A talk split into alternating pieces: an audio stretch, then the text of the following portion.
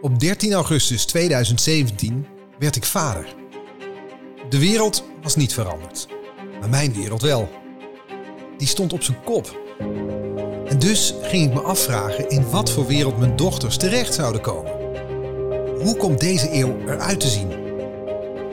Net zoals in mijn boek ga ik in gesprek met wetenschappers en andere experts om te kijken hoe de toekomst er voor mijn dochters uit kan zien.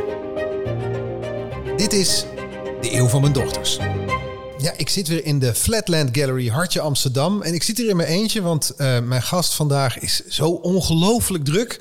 dat ik al blij ben dat ze überhaupt tijd heeft om even te woord te staan. Want ze is bijzonder hoogleraar virologie, virologie bij het Erasmus MC. Um, en we kennen haar allemaal als de virologe die nou ja, rondom de coronacrisis, de covid-crisis... ons te woord staat. Marion Koopmans, goedenavond. Goedenavond. Ja, het zijn hele drukke tijden voor jou, toch? Absoluut, ja vanaf uh, eigenlijk 31 december uh, zo'n beetje. Ja. Zijn het eigenlijk ook ja, leuke tijden niet, maar interessante tijden? Nou ja, zeker. Kijk, het is. Uh, ik werk natuurlijk al, al decennia aan uh, dit soort onderwerpen. En ik, het is wel heel druk, maar ik heb wel het gevoel dat alles wat ik over in de loop van de jaren heb gedaan, zo'n beetje bij elkaar komt. Dus het is in die zin heel fascinerend. En jij en je vakgenoten waarschuwden volgens mij al, ook al eh, heel lang voor het feit dat we rekening moesten met, houden met en ons voor moesten bereiden op een pandemie zoals we nu meemaken. Ja, dat klopt. Maar dat is toch anders dan, uh, in feite heb ik uh, jaren op een rij al presentaties gedaan over hoe, hoe gaat dat nou, die eerste stappen, wat uh, is de kennis die je eigenlijk heel snel nodig hebt. Waarom is dat zo lastig? Um, en dan ben je dus wel voorbereid, maar dan is toch, uh, het is toch wel anders als je er vervolgens zelf in zit hoor. Ja, de theorie dus is, toch. Uh, ja. De theorie is toch anders dan de praktijk? De theorie is altijd anders dan de praktijk. Ja. Um, maar het staat, eh, er staat natuurlijk heel veel druk op. En uh, ja, het is. Je kijkt erbij, je staat erbij en je kijkt ernaar. Zo is het natuurlijk ook. Het geldt voor ons allemaal. Het is voor ons als wetenschappers niet heel anders. En toch heb ik dan de hoop als leek. En ik kijk, ik heb al mijn vertrouwen natuurlijk op jullie, jullie gevestigd. Jullie, jullie moeten het oplossen voor ons, Marion. Nou ja, het is, uh, je, uh, je, draagt een stukje bij. Dat is natuurlijk het, het proberen. Hè? Want het is niet iets wat je uh, alleen vanuit de wetenschap of alleen vanuit de politiek of van, alleen vanuit de publieke gezondheid kunt aanvliegen. Uh, dus het is wel, uh, nou ja, ik heb een groot team, uh, een grote afdeling. En die mensen zijn allemaal vanuit allerlei verschillende ja, insteken aan het proberen stukjes van de puzzel op te lossen. Hoe verspreidt het virus precies? Hoe, hoe lang zijn mensen besmettelijk? Hoe kun je dat meten? hoe werkt die immuniteit? zitten daar componenten in die een risico geven. Um, uh, dus, dus nou ja, dat zijn allerlei vragen waar we bezig houden. Ja, en dat is dus met de pandemie waar we nu in zitten. En ik sprak je voor het boek over de vraag of mijn dochters nog een pandemie uh, gaan meemaken. Want nou ja, ik sprak met een verouderingsdeskundige Andrea Maier. Die zegt, nou, de, de kans dat jij, zij het jaar 2100 gaan halen is, is vrij, vrij groot. Um, en, en in het boek zeg je al, ja, dit, zo'n, zo'n volgende ontwrichtende pandemie als die we nu meemaken, dat gaat niet nog 100 jaar duren. Druk ik het even niet wetenschappelijk uit. Klopt. Ja, um, want de manier waarop de wereld verandert, uh, dat, dat, dat, ja, daar kun je eigenlijk donder op zeggen dat uh, we met meer uitbraken te maken krijgen. Uh, we reizen veel meer, nu dan even niet, maar ik verwacht dat dat weer terugkomt. Uh, de wereldbevolking neemt enorm toe. Nou, dat zijn dingen waarin virussen heel gemakkelijk kunnen verspreiden. Uh, we zien effecten steeds sneller van klimaatverandering. Uh, dus de afgelopen paar weken hebben we hier nu in Nederland voor het eerst gezien dat we een bepaalde virusinfectie hebben die via muggen overgedragen wordt, die we tot nu toe in Zuid-Europa zagen. Ja, die is nu toch echt ook in, in Nederland gearriveerd, lijkt.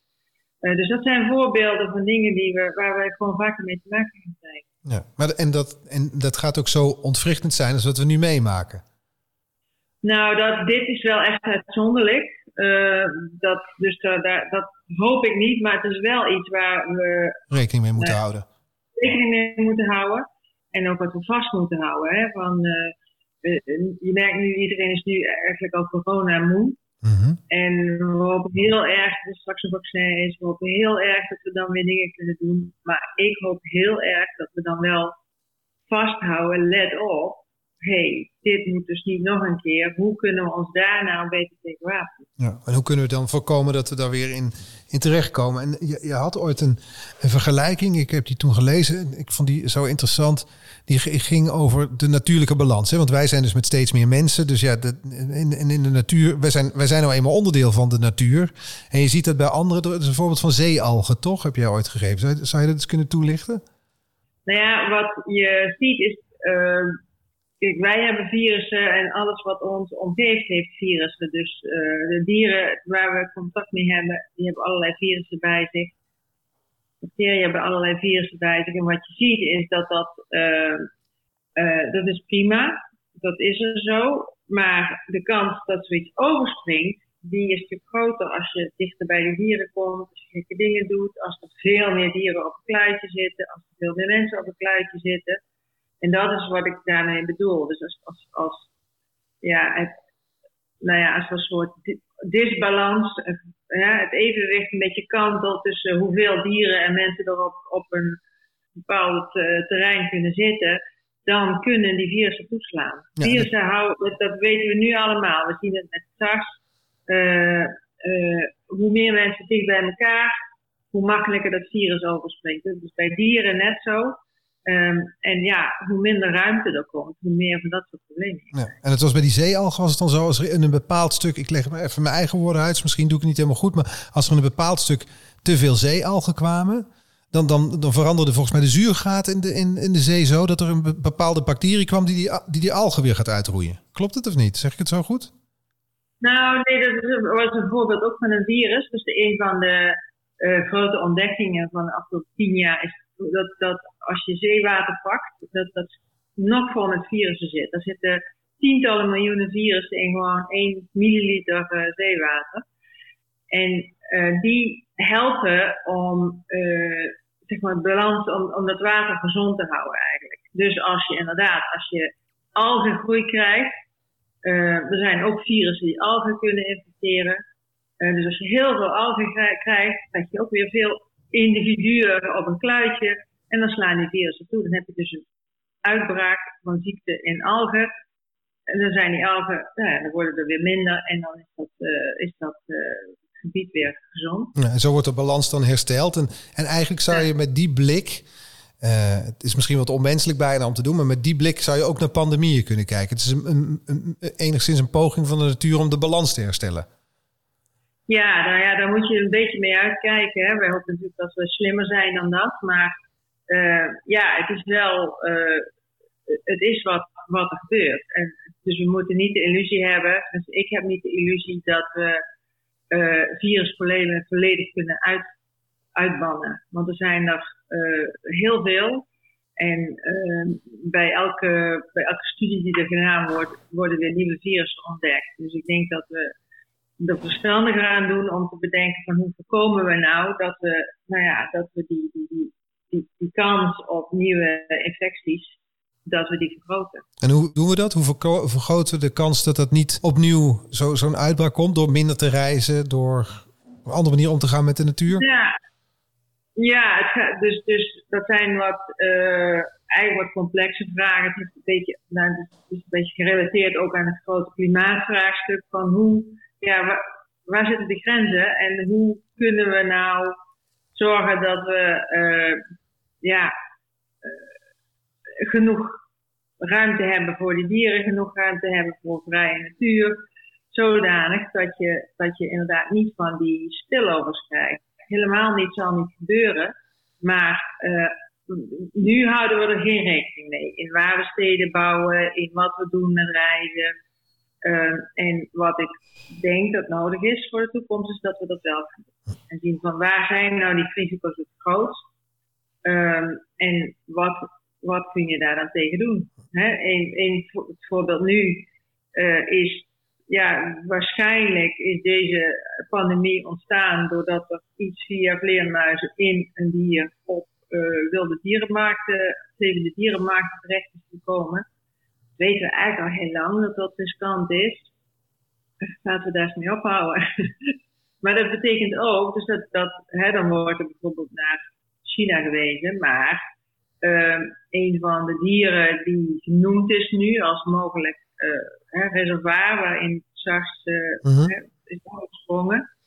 Ja, dat is een, wordt gezien als een delicatesse waar in Vietnam toeristen voor in de rij staan. Dus dan werk je er zelf ook aan mee. Dus dat zijn een paar voorbeelden waarvan, waarvan ik zeg, nou ja, dat soort dingen, daar moeten we echt meer over nadenken. Ja, dat, dat is iets ja, wat wij dus moeten doen. Wat hoop jij op jouw vakgebied? Het is een interessante tijd waarin je als viroloog uh, actief bent. Ja. Wat hoop je op jouw ja. vakgebied nog, uh, nog mee te maken? Ja, voor de uitbraak nu natuurlijk dat we uh, beter kunnen behandelen, kunnen vaccineren. Hè? Dus dat we het echt, dat de maatschappij weer een beetje gewoon kan worden. Maar voor de lange termijn, ja, ik, ben, ik vind het zelf wel heel spannend om te kijken, kunnen we misschien een beetje gaan voorspellen? Kunnen we snappen wat er voor nodig is om uitbraak te krijgen, zodanig dat we er zo vroeg bij zijn, dat je gelijk er bovenop kunt springen en het, het remmen. Dat is, nou, dat, dat verhaal van dat uh, muggenvirus is een voorbeeld. We hebben net een nieuw project sinds januari, dus we zijn ook uh, daar naar gaan kijken. We zijn gaan bedenken van oké, okay, als dit binnen zou komen, waar zou je dat kunnen vinden? Uh, en dan zijn we vogels gaan vangen met, met vrijwilligers, uh, muggen gaan vangen en bingo, daar zat het virus. Dus, dus we weten nu dat het er is. Uh, er zijn een paar mensen, of er is één iemand in ieder geval ziek geworden. maar nu, kun je, nu heb je dus deze winter de tijd om te denken van oké, okay, hoe gaan we dat nou komende voorjaar doen? Ja, en hoe ga je dat dus, dus inderdaad voor, voor, kunnen voorkomen door te, te kunnen voorspellen? Dat is de stip op de ja. horizon. Ja, ja. Ik zou er blij mee zijn als dat kan. Ik ook. Ja. Dank, uh, dank voor je tijd, uh, Marion, Marion Koopmans. Uh, dit was met jou, dit was de laatste aflevering van De Eeuw van Mijn Dochters. dus Marion bedankt en ook alle andere gasten van de afgelopen aflevering bedankt voor deze gesprekken. en die, deze podcast is dus gebaseerd op het boek dat ik heb geschreven. Dat heet niet toevallig ook De Eeuw van Mijn Dochters. Een link naar het boek is te vinden in de beschrijving van deze aflevering. Of uh, het ligt zelf natuurlijk, als het goed is. Uh, papieren exemplaar in de boekwinkel bij jou in de buurt. Uh, veel leesplezier en nou, um, spreken elkaar snel.